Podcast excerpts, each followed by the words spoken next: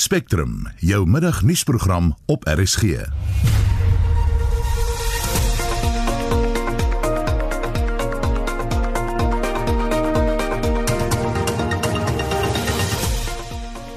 In die nuus die wetsontwerp wat munisipaliteite toelaat om hulle eie energie op te wek of aan te koop is oopgestel vir openbare kommentaar en ons kry reaksie op die voorwaardes wat daaraan gekoppel word.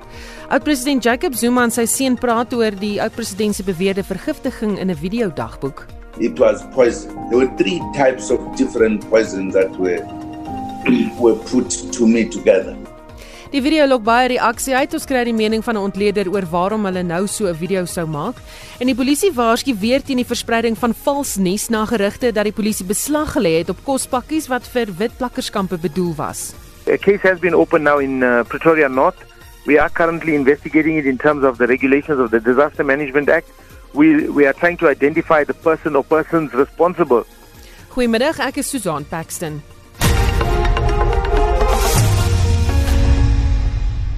So bykans 9 minute oor 1 welkom terug by Spectrum. Die Suid-Afrikaanse ekonomie is besig om heeltemal tot stilstand te kom weens die COVID-19 pandemie en die meegaande regulasies.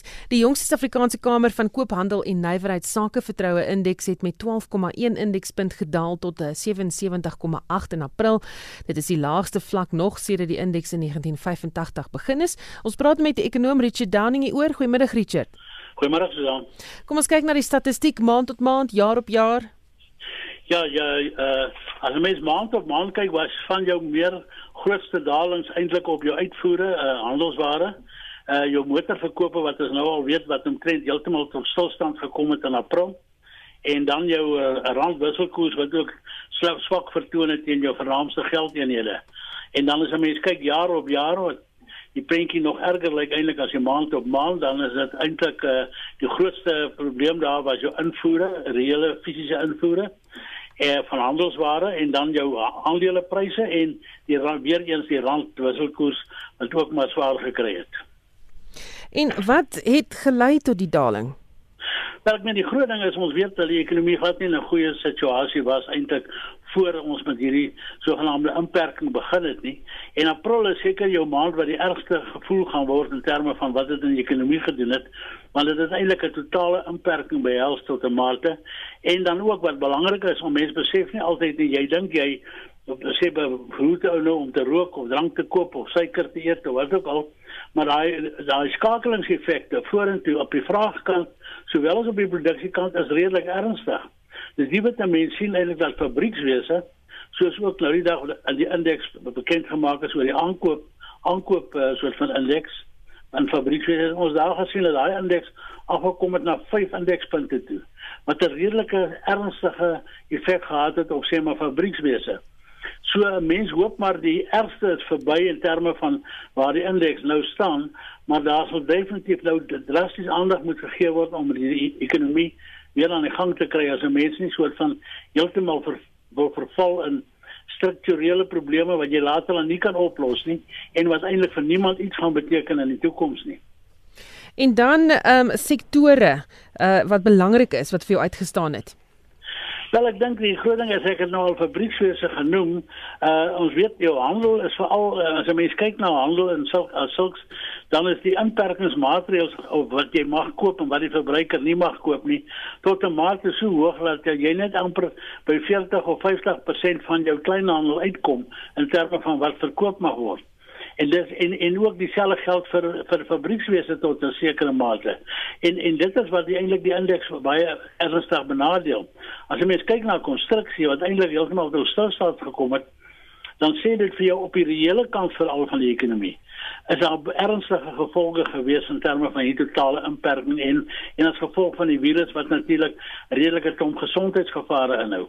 En uh die een groot uh, positiewe ding is daarom ons weet dat die virus nou daar is en dat dit 'n gevaarlike virus is wat aansteeklikheid betref, maar ons weet ook daarom dat almal wat die virus kry, nie sterwe nie. So dit is 'n belangrike aspek wat gister veral uitgewys was deur deur aktuaries en ekonome wat 'n bietjie na daai aspekte gekyk het. En ek dink dit dit behels eintlik dat die afruiling van risiko's baie belangrik is en die waarskynlikheid dat sekere goed kan gebeur. En ek dink dit is wat wat ons moet na kyk vir alles as mens kom by die sakeklimaat en sakevertroue en ten minste die ekonomie tot so 'n mate in stand te hou dat ons daarmee nog 'n sakeklimaat en sakevertroue op 'n sekere vlak kan handhaaf. En dan uiteindelik werkloosheid.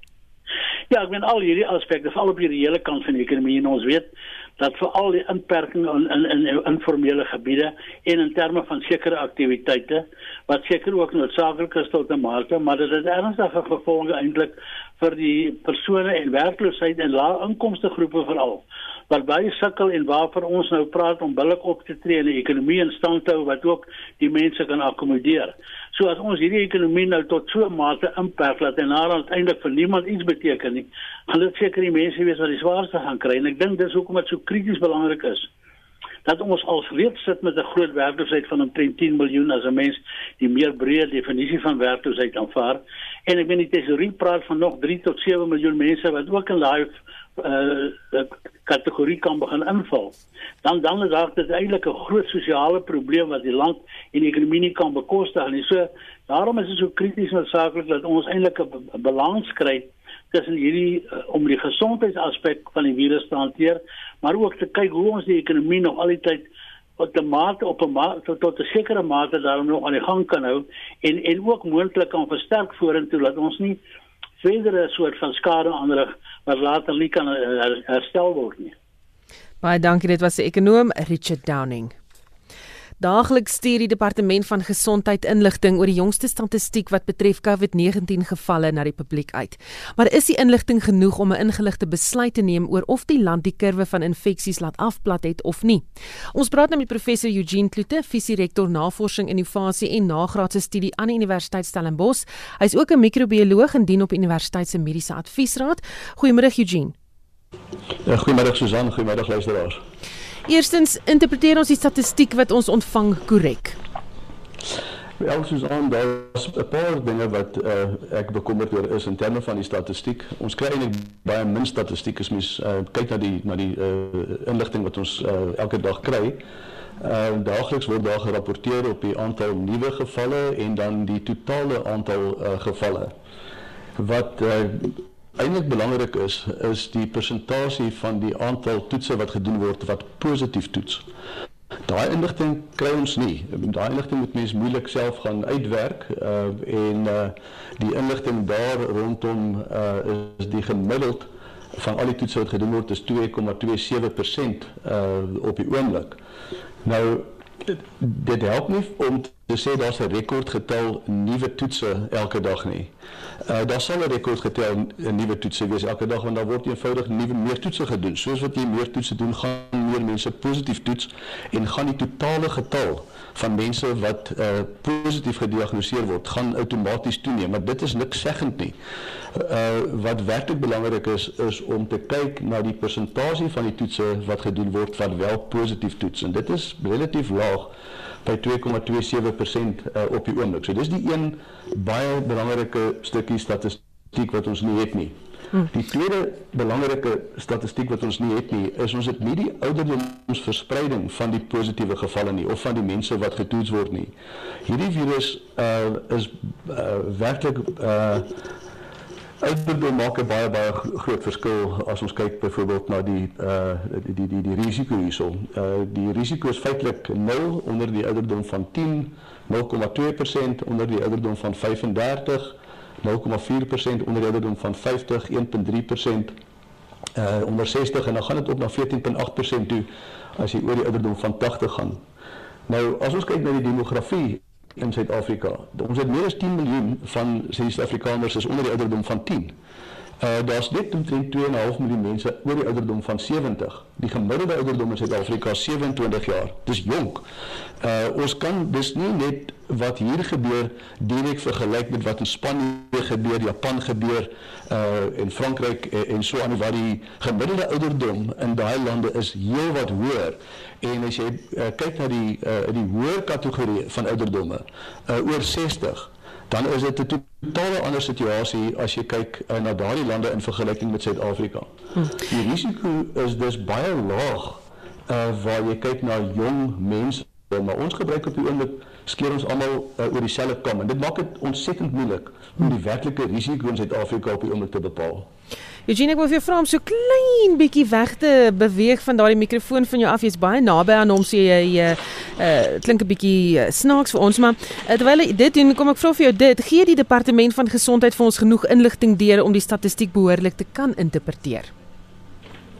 Wel, dit is deel van die probleem, Susan. Ek hoop die mikrofoon is nou beter. Ja, daar's hy. Ehm um, Ja, dis dis deel van die probleem. Ons kry nie genoeg van die data deur nie. Mens kan ook gaan op die uh, Nasionale Instituut vir Oordraagbare Siektes uh se uh, uh, uh, uh, uh, webtuiste. En mens kry ook daar nie veel meer inligting nie, maar daar's twee kritiese stukkies inligting wat ontbreek op die oomblik. Die een is dat die departement van gesondheid moet begin kyk na die persentasie van die persone wat daagliks getoets word wat positief toets. Dis die een belangrike stuk statistiek wat ons op die oomblik nie kry nie. En die tweede uiters belangrike stuk inligting is hoe die ouderdomsverspreiding lyk van uh die uh, positiewe toetse want dit gaan die risiko bepaal en dit gaan vir ons help om te besluit of skole moet heropen of universiteite moet heropen en watter tipe besighede uh, kan aangaan.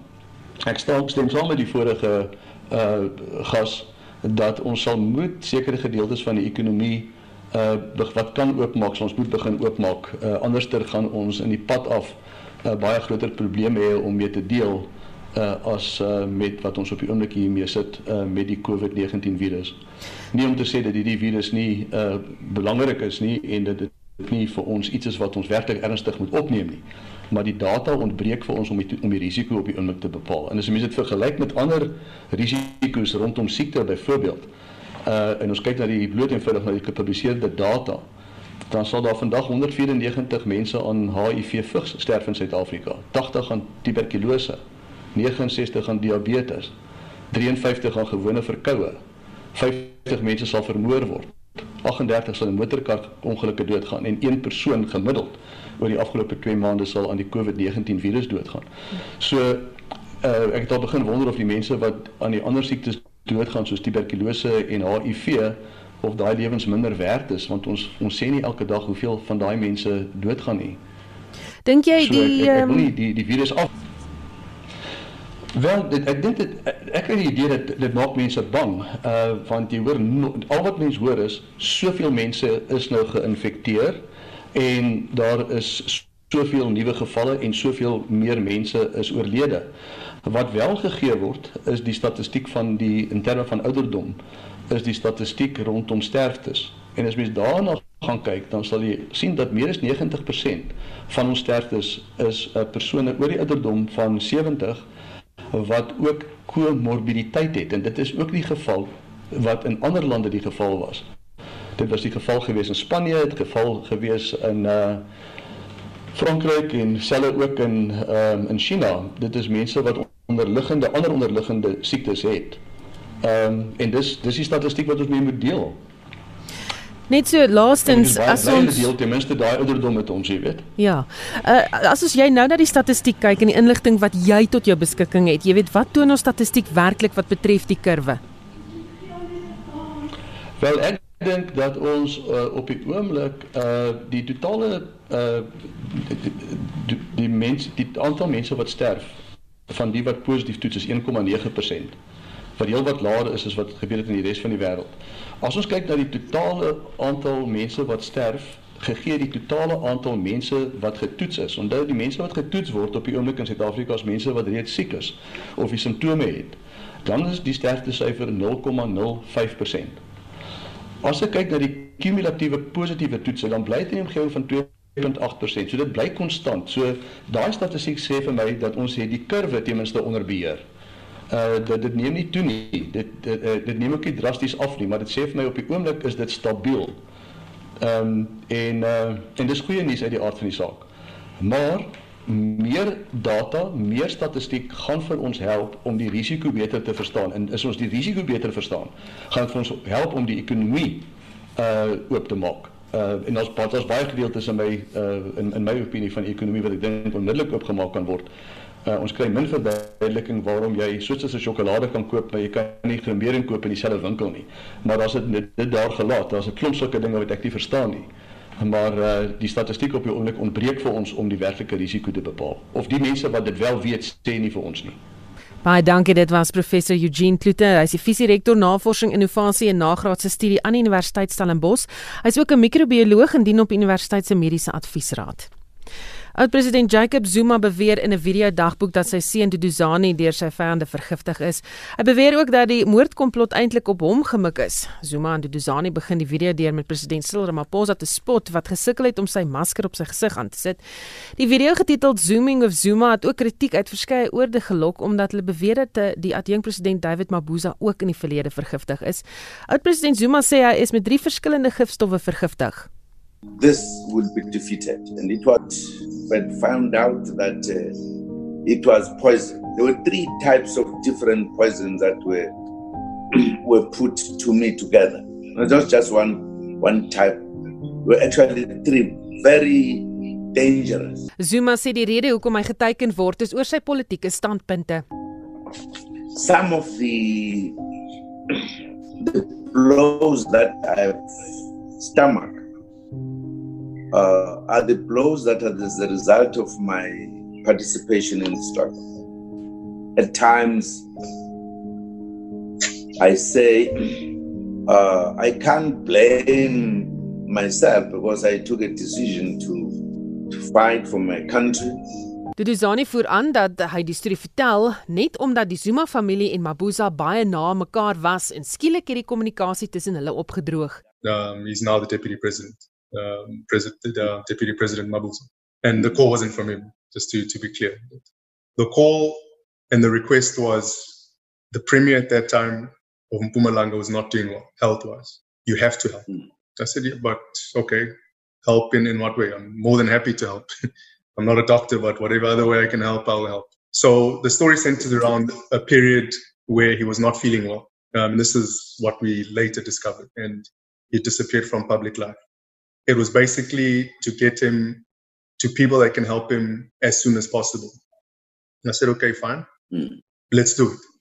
You know, whatever it is that I can do, what do you need from me? Look, what we'll need from you is an airlifting from uh, from um, Nelspruit and passage on a private plane because this thing needs to be kept as quiet, as clandestine as possible through to Moscow so he can seek medical further medical treatment in, in Moscow. I said, okay, that's odd. What's the problem?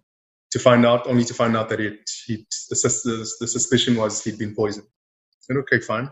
Um, give me a few moments. Let me let me see what what plan can happen. He said, look, when you get back to us, it needs to be a positive plan because we've exhausted all possibilities.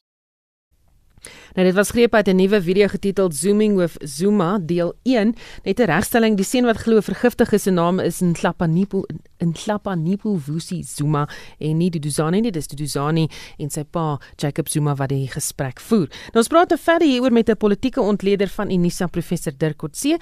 Goed, hoekom die video op die tydstip vrystel dink jy? Ek dink daar's verskillende redes daarvoor. Die eerste een wat die mees waarskynlik is is dat uh, die hofsaak van president Zuma gaan nou voort. Sy regspan het die uh, hulle aansoek by die uh, grondwetlike hof om te kan appeleer teen die uitspraak van die uh, die uh, hof. Ehm um, dit het hulle teruggetrek. So die volgende stap gaan wees dat hy wel in die hof sal moet verskyn. Ehm um, Ek dink hulle hulle het dit uitgestel tot tot na die pandemie. Ehm um, maar wat wat dus ter sprake gaan wees is die die Zuma groepering moet hulle self nou begin posisioneer van hoe hulle dit die hofsaak gaan benader. Ehm um, en dit wat jy nou genoem het ehm um, is is baie duidelik en dit is dat en dit is nie nuut nie. Dit is die tipe van argumente wat hy gebruik het in die vorige hele aantal hofsaake uh, waar waarna aansoek gedoen het of om laat die uh, dit teruggetrek word die aanklagtes of geappeleer het teen verskillende as, aspekte daarvan. Eerste een is dis is is die punt dat hy sien homself of hy stel homself voor as 'n persoon wat die wat 'n slagoffer is van 'n politieke veldtog, van 'n politieke strategie teen hom. Tweedens wat baie belangrik is vanuit sy perspektief is hy sê dat hy hy dit word gedoen omdat hy so prominent was in die bevrydingsstryd en dat hy inligting is wat baie mense wil he, nie wil hê dat dit uiteindelik bekend gemaak moet word nie. Dit is 'n argument wat hy vroeër ook identies net so gebruik het toe hy onder andere gesê het dat daar was uh, drie verskillende internasionale intelligensie agentskappe het probeer om te voed dat hy sy posisies binne die ANC gekry het. Ehm um, so dit vanaf die die ehm um, die oogpunt van president Zuma is dit sy hoofoogmerk. Daar's ook die die rol wat Duduzani Zuma speel. Dirk is jy nog wat meer Ja, dit is is 'n ander faktor wat 'n mens ook in gedagte moet hou. Dirk, wil jy nie vir my daai stukkie oor Duduzani net herhaal nie want jy het so effe weggebreek? Ja, wat wat wat ek sê is, is dat die boonbehalwe president Zuma se se rol in hierdie onderhoud is dit ook uh, Duduzani Zuma. Ehm um, en ek dink ons sal miskien nou verder daarop uit uitbou, maar dit gaan veral om om hom voor te stel as 'n persoon van integriteit en daar was vroeër ook redelik sprake daarvan dat die Zuma familie daaraan dink dat hy die gekose persoon moet wees wat die die politieke toekoms of die politieke tradisie van die Zuma familie moet voortsit. Hm. Wat is jou algemene indrukke van die samestelling van die video, die kwessies waaroor hulle praat, die musiek wat speel in die agtergrond, uh die die gespottery met president Cyril Ramaphosa wat nie sy masker kon aankry nie? Ja, ek, ek dink dit is dit word voorgestel as as 'n 'n natuurlike intieme gesprek tussen uh, Duduzani en sy pa. Ehm uh, dit wys daarop dat Duduzani is is 'n familieman dat hy ook omgee vir ander mense soos die huidige uh, adjunkt president Didi Mabuza. Ehm um, dat hulle eintlik terugkyk na hulle na president Zuma se lewe en hom probeer in 'n sekere sin rehabiliteer. Die dit wat oor hom gesê is in terme van staatskaping, in terme van sy verhouding met die Guptas, in terme van, die die komende of is 'n uh, uh, hofsaak wat gaan plaasvind. Dit alles is is uiteindelik word is die teenpool wat hulle probeer voorstel soos hulle anders in Engels sê 'n counter narrative wat hulle wil probeer skep. Um en veral nou soos ek vroeër gesê het die feit dat president Zuma gesien word as 'n persoon wat 'n slagoffer is. Hmm. Dis hoekom die verwysing na vergiftiging so so prominente rol speel.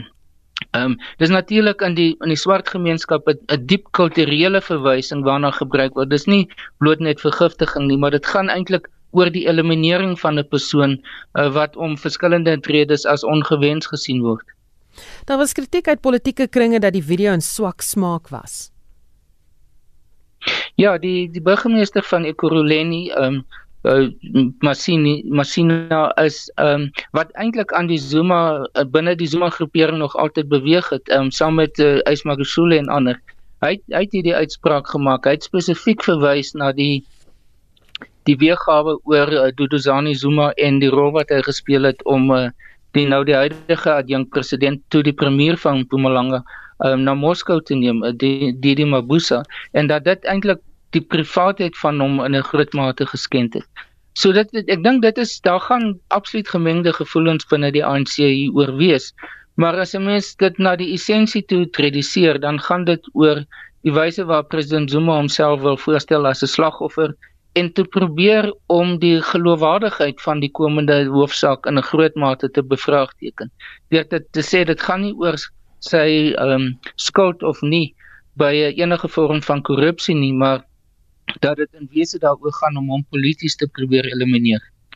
Nou terwyl die fokus grootliks op die stryd teen COVID-19 is, jy weet, is daar steeds politieke verwikkelinge agter die skerms aan die gang in die ANC. Ja, daar daar is baie ehm um, ek dink een van die die die groot kopsere vir die ANC van die oogpunt van Lotuli huis is dat hulle in hierdie hele proses om die pandemie te bestuur omtrent geen rol speel nie.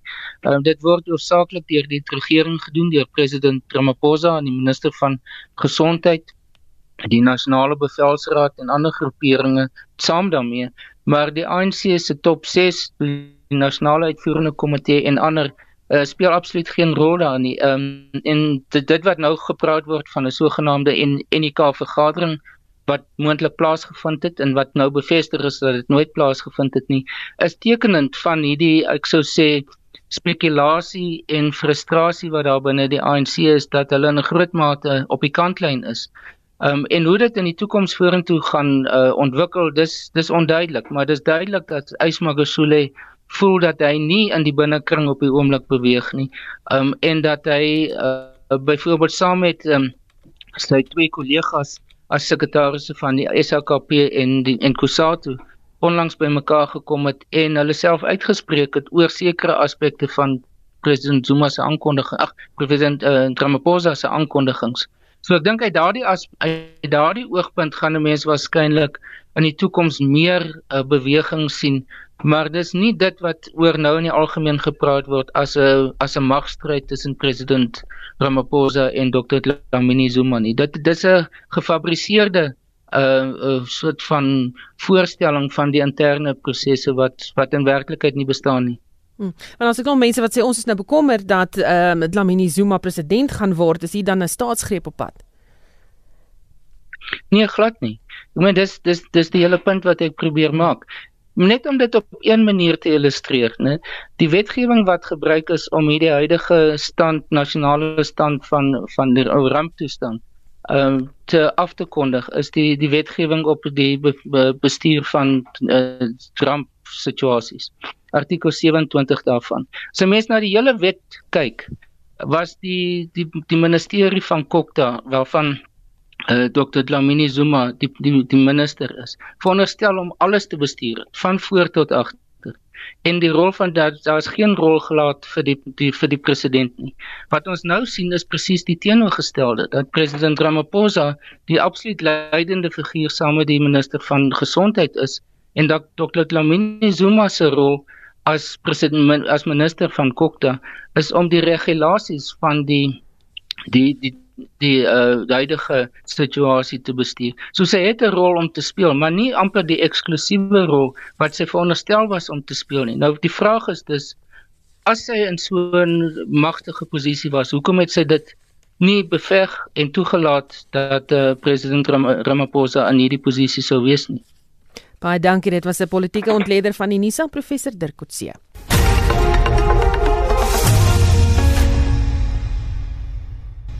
Dis 1336 jy luister na Spectrum die Wes-Kaapse burgemeesterskomitee lid vir ekonomiese aangeleenthede en toerisme James Vos het vanoggend planne bekend gemaak om Kaapstad se toerismebedryf gereed te kry vir die opheffing van die inperkingstyd. Die doel hiervan is om die spoedige herstel van die bedryf aan te moedig en ons praat nou verder met hom hieroor. Goeiemôre James. Hoi, goeiemôre Susan. Ja, sê James, amper dink ek jy het daar 'n vrou verander. Wat is die impak van die inperking op Kaapstad se toerisme-industrie?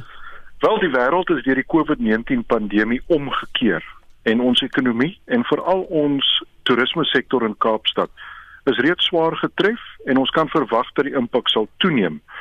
Daar is geen kitsoplossings nie en een ding is duidelik. Hierdie krisis vra vir innovasie en slim oplossings en ons het ver oggend die nuwe toerisme regruk plan bekend gestel en ons weet nou dat baie van die onderliggende sektore van die toerisme industrie reeds swaar getref is. Die akkommodasiesektor, die restaurantsektor, die kos- en vermaaklikheidssektor, met ander woorde al die sektore wat die toerisme industrie aan die gang hou. En is daarom dat die stad Kaapstad tesame met ons amptelike toerisme agentskap Kaapstad Toerisme planne beraam het waar ons tegnologie gaan benut as ook die navorsing om strategiese riglyne te gebruik om 'n nuwe toekoms vir hierdie noodsaaklike en lewenskragtige sektor te beplan. So een ding is seker, toerisme is en sal die sleutelbedryf in Kaapstad bly. En volgens ons nuutste beskikbare statistiek van uh, Statistiek Suid-Afrika het toerisme ongeveer 18 miljard rand tot ons plaaslike ekonomie bygedra verlede jaar. En dit skep ongeveer 113 000 werksgeleenthede. So om hierdie uitdaging trompop aan te pak, het ek die toerisme taakspan saamgestel vir die bestuur en koördinering vir die ingrypings wat nodig is om hierdie toerisme industrie weer aan die gang te kry. Hmm. Daarbeenoweens het ons ook die span spesifiek getaak om te kyk na veldtogte wat aanvraag sal vermeerder na Kaapstad maar op 'n verantwoordelike manier want een ding is verseker die toerisme landskap gaan nooit weer dieselfde wees nie. So ons gaan kyk hoe om tegnologie te gebruik om Kaapstad te posisioneer as 'n sleutelbestemming, maar ook met 'n sterk fokus op binnelandse en streeks toerisme. Ons moet nou die plaaslike sektore weer stimuleer deur om plaaslike toerisme aan die gang te kry. En ons gaan ook beslis kyk na nuwe markte wat sal bestaan. Baie van ons sleutelmarkte gaan ook verander. Die metodes van vervoer na Kaapstad toe by wyse van lugvaart en skeepsvaart gaan ook nooit weer dieselfde wees nie. So ons doen baie navorsing om vas te stel wat doen ander stede en hoe ons dan voordeel kan trek uit hierdie uh, goeie praktyke wat reeds geïmplementeer is. Maar ons weet een ding en dit is dat ons gaan kyk na 'n nuwe manier van toerisme doen. Ons gaan kyk na produkte wat besigheid sin gaan maak. Ons moet ook ons klein sake ondernemings help wat swaar getref is. En daarmee wil ek sê dat ek diep teleurgesteld is in die nasionale regering wat um, nou onlangs bekend gemaak het dat slegs um, swart ekonomiese bemagtigingsmaatreëls um, nagevolg sal word om klein sake ondernemings in die toerisme industrie te help. En dit was die burgemeesterskomitee lid vir ekonomiese geleenthede en toerisme James Voss. Nou soos ons nou net genoem het, wêreldwyd loop die gasvryheid en toerisme industrie deur onder die internasionale verbod op reis. Groot name in die Suid-Afrikaanse bedryf soos Sun International, Hilton Hotels en Sogo Sun moes verskeie hotelle en kasinos sluit om aan inperkingsregulasies te voldoen, maar hulle nou verseë het meer. Tsogosan gaan 36 van sy hotelle sluit. Dis 40% van die groep se portefeulje. Die groep sê egter van die hotelle is aan die regering beskikbaar gestel as kwarantainfasiliteite. Hilton Hotels het meer as 1000 hotelle internasionaal gesluit en minstens 90 van die hotel se werknemers in Kaapstad sit gevolglik sonder werk. Hulle is nie verlede maand betaal nie.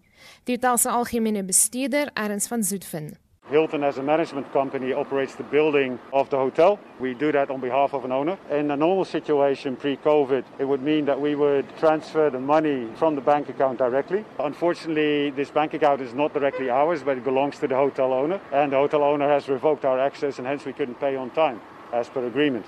But the key part that actually is hurting is that the team members, of course, in these very dire times, haven't received their salaries. Die departement van toerisme se woordvoerder, Blessing Manale, sê hulle is in die proses om die 200 miljoen rand wat op sy gesit is vir die industrie onder klein en medium sake ondernemings in die sektor te versprei.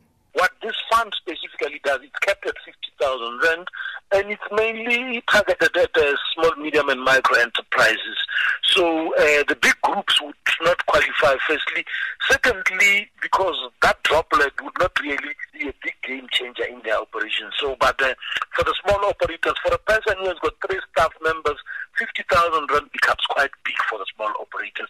Vyf internasionale lugvervoer en toerisme liggame het nou ook 'n pleidooi gerig aan internasionale finansiële instellings. Hulle vra vir 'n reddingsboei van 10 miljard Amerikaanse dollar, oftewel 185 miljard rand.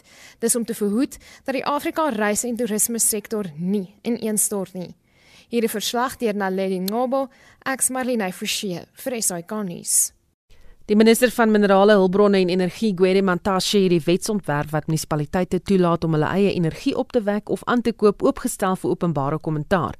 Die voorgestelde wetgewing bepaal dat slegs munisipaliteite wat finansiëel stabiel is hiervoor kan aansoek doen. Aansoeke moet aan die minister gerig word en 'n haalbaarheidstudie insluit. Vir meer hieroor praat ons nou met die voorsitter van die Suid-Afrikaanse Instituut vir Onafhanklike Kragprodusente, Tommy Garner. Goeiemôre Tommy. Goeiemôre Susan. Wat is jou eerste indrukke van die voorgestelde wetgewing? Ek dink uh, dis 'n positiewe stap, is 'n stap in die regte rigting. Ons uh is nou al lank uh, besig om te probeer om seker te maak dat ons weg beweeg van die enkel aankoper of die enkel verskaffer van kragmodel wat wat Eskom is. En ek dink hierdie is 'n positiewe stap. Hoe prakties is die aansoekproses? Dis dis moeilik om te sê. Ek dink die die uh regulasies is nou ook vir ehm um, vir kommentaar, openbare kommentaar. En ehm um, dit dit kan moeilik wees want uh hoe dit vir ons lyk is dat um, die munisipaliteit by die minister mag aansoek doen om eie kragopwekkingskapasiteit te skep of om krag aan te koop by onafhanklike kragverskaffers. En so aansoek moet dan van 'n doenlikheidsstudie of 'n haalbaarheidsstudie vergesel word. Nou die probleem daarmee is so 'n doenlikheidsstudie kan 'n hele paar miljoen rand kos um, om te doen So die vraag is moet jy eers die doenlikheidstudie doen en dan aansoek doen of doen jy aansoek en as die minister dan sê ja, daar's 'n goeie kans doen nie die doenlikheidstudie en dit dit kan dalk uh gemorste geld wees as jy 'n totale doenlikheidstudie doen. Dit kan jou 2 tot 3 jaar vat om dit te doen en dan uh, sê die minister vir een of ander rede nee. Hm. Wat lees ons in die tydsberekening veral as ons aanneem, uh, jy weet dat daar reeds van 2018 af gevra word dat hier die die proses nou moet begin. Susan, dis uh ja, dis is baie laat in die in die nag al.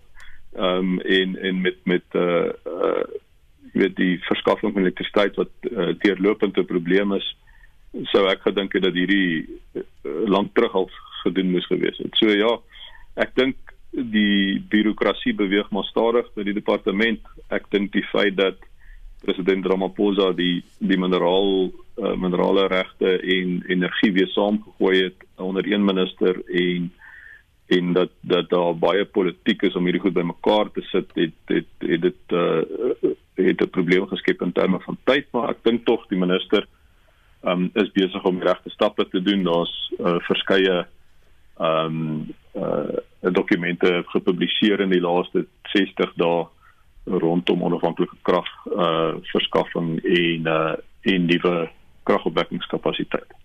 Wat gaan julle terugvoer wees? Ons moet nog die dokumente in detail bestudeer, maar ons sal uh definitief sê dat dit 'n stap in die regte rigting is en ons sal dan seker maak dat dit pragmaties is en en prakties toegepas kan word. Ehm um, so baie dis in die detail uh en baie moeilik om in 'n in 'n kort onderhoud uh weer te gee. Hmm. Goed dan almal hou vir Eskom dop. Ehm um, en Eskom het intussen gesê hy verwag dat daar slegs 3 dae se kragonderbrekings voorspel word die maand in vergelyking met die aanvanklike vooruitskatting van 31 dae. Dink jy dit is realisties? Ek dink dit is realisties. Ek dink die die die, die aanvraag na elektrisiteit het uh, het aansienlik gedaal tydens die uh, uh die Grendelstaat uh, begin het.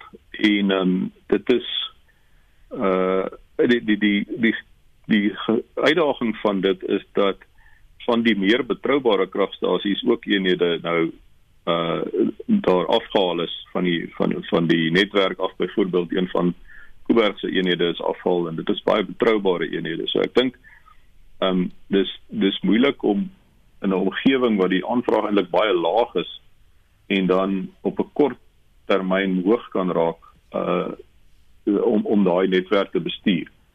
So ek dink die betroubaarheid van die netwerk het dalk afgedaal, uh, maar dat uh um dat die aanvraag so laag is as gevolg van amper geen ekonomiese aktiwiteit nie is is al die redding as mens dit so kan stel. Baie dankie dit was die voorsteur van die Suid-Afrikaanse Instituut vir Onafhanklike Kragprodusente Tommy Garner. Ons beweeg na die sportveld met Shaun Jooste. In tennisnuus, die beloofde koronavirusverligtingfonds vir sukkelende spelers is gestig en die ATP, WTA, ETF en vier Grand Slams het sowat 6 miljoen dollar bymekaar gemaak. Die fonds is hoofsaaklik vir spelers wat buite die top 200 val. Alle tennistoernooie is tot middel Julie opgeskort.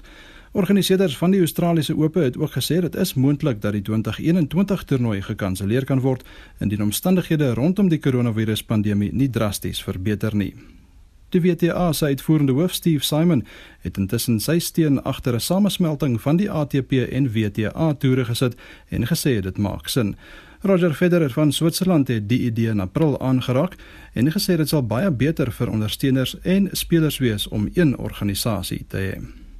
En laastens, volgens berigte in die media, beoog Cricket Suid-Afrika om nog twee franchises by die Mzansi Superliga te voeg vir die derde weergawe wat later die jaar sal plaasvind. Daar is ook berig dat die MSL dalk binnekort op SuperSport uitgesaai kan word wat meer geld vir KSA sal inbring. Die twee nuwe franchises sal moontlik van Bloemfontein en Oos-London afkomstig wees.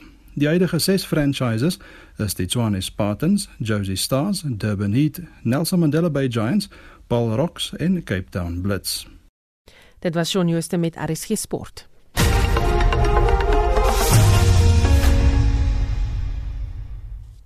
Die Instituut vir Rasseverhoudinge het pas 'n aanlyn konferensie oor die impak van die COVID-19 pandemie op die ANC afgesluit. Die klem is veral geplaas op die inperkingsregulasies wat deur die regering ingespan word en of die party die pandemie gaan oorleef. Vir meer inligting hieroor praat ons nou by die instituut se adjunkhoof van beleidsnavorsing Herman Pretorius. Goeiemôre Herman. Goeiemôre Susan. En net dit op, wat is die belangrikste kwessies wat onder die vergrootglas beland het? Wel, daar is hierdie uh, wanpersepsie dat die Suid-Afrikaanse kiezer eintlik maar net hierdie trop kiezer is. Maar as mens onder die vergrootglas gaan kyk, wys die tendense, wys die data dat die Suid-Afrikaanse kiezer en die ANC kiezer 'n pragmatiese deelnemer aan die demokrasie is en onder die groot vergrootglas dus is die ANC in 'n baie baie uh, gevaarlike posisie tydens hierdie COVID-19 situasie en die ekonomiese gevolge daarvan. Hoekom is dit belangrik om hieroor te praat nou? Dit is uh, uh, uh, daar's 'n breë gesprek wat tans in die land aan die gang is oor hoekom is dinge besig om te gebeur soos wat dit is om besig om te gebeur. Die Grendelstaat is word aggressief afgedwing, die regulasies is arbitrêr.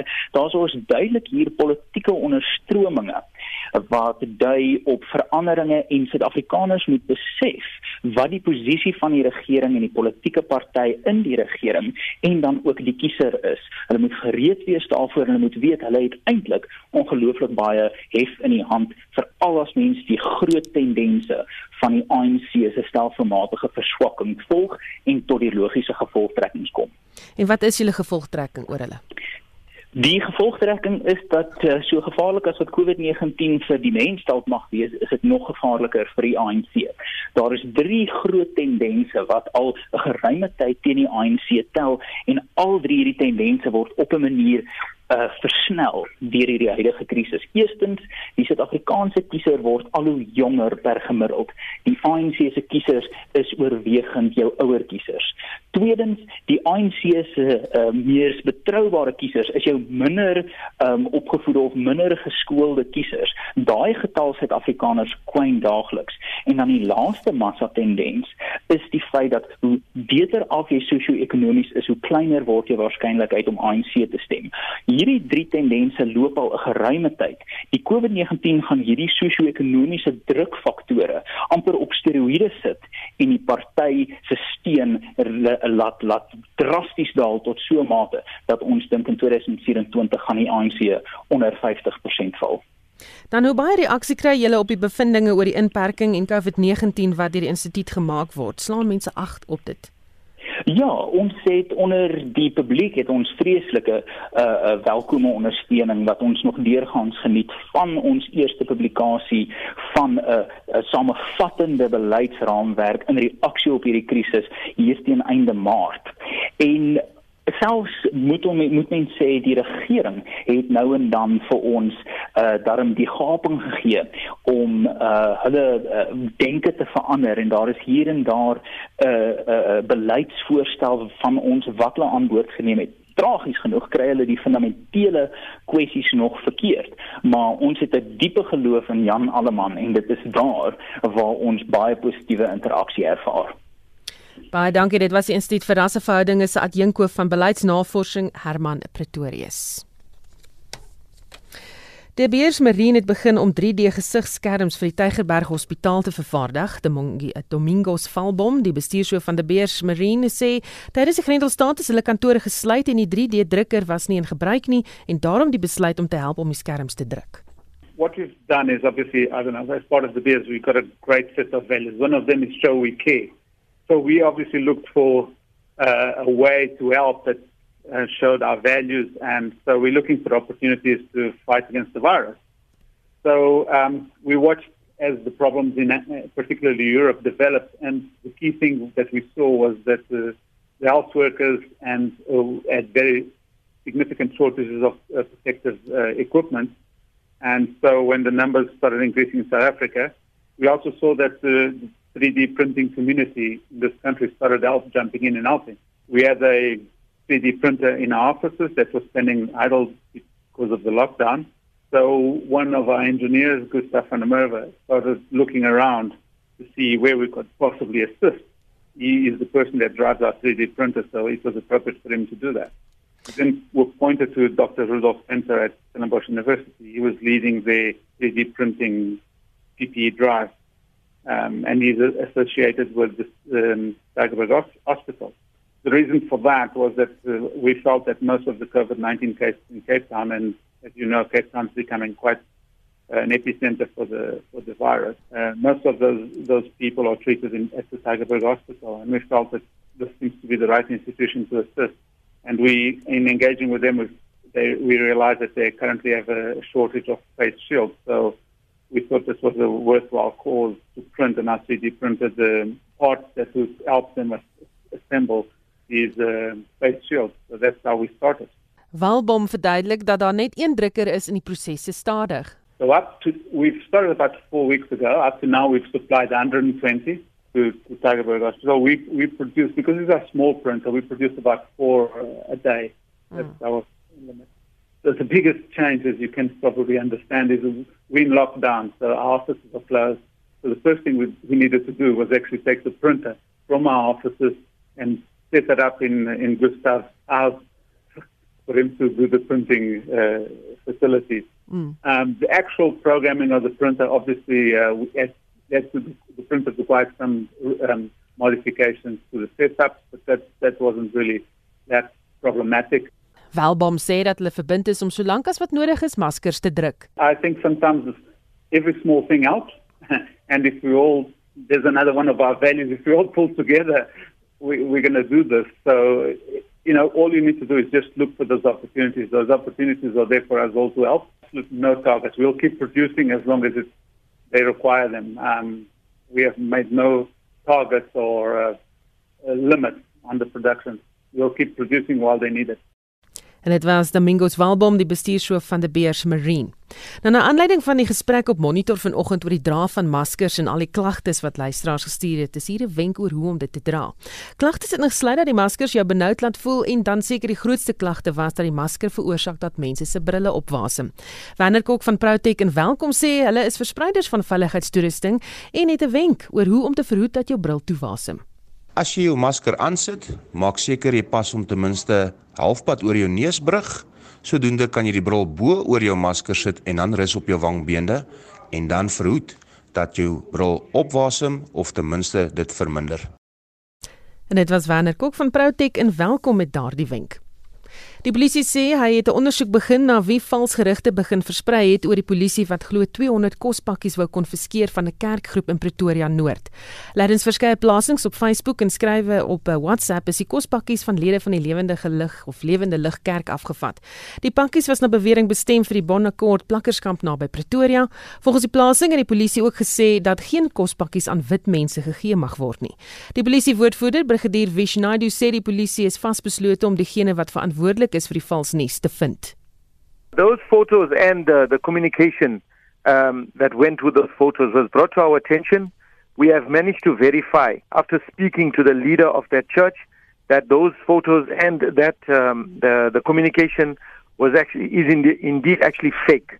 So uh, we are we, a case has been opened now in uh, Pretoria North. We are currently investigating it in terms of the regulations of the Disaster Management Act. We, we are trying to identify the person or persons responsible for the distribution of both the photos as well as that message. And once we have uh, identified that person, we will um, effect uh, the necessary arrest or arrest uh, and, and bring those per- persons to book. Uh, for now, they, they, according to the information that we got from the preliminary investigations, this thing has never happened. Um, and the church leader that who, to whom reference is being made in those that um, that it has never happened the way it's purported in the message as well as in the photos, and uh, therefore we are investigating. Uh, in terms of the regulations of the Disaster Management Act. Naidu sê dit is 'n goeie voorbeeld van hoe vals nuus rassespanning kan veroorsaak. Firstly, it's misleading, it's irresponsible, it it create it, it has a potential uh, to to create division uh, between uh, races, uh, ethnic groups, between uh, uh, people of different cultures, cultures, um, basically sending out the wrong message is in itself wrong.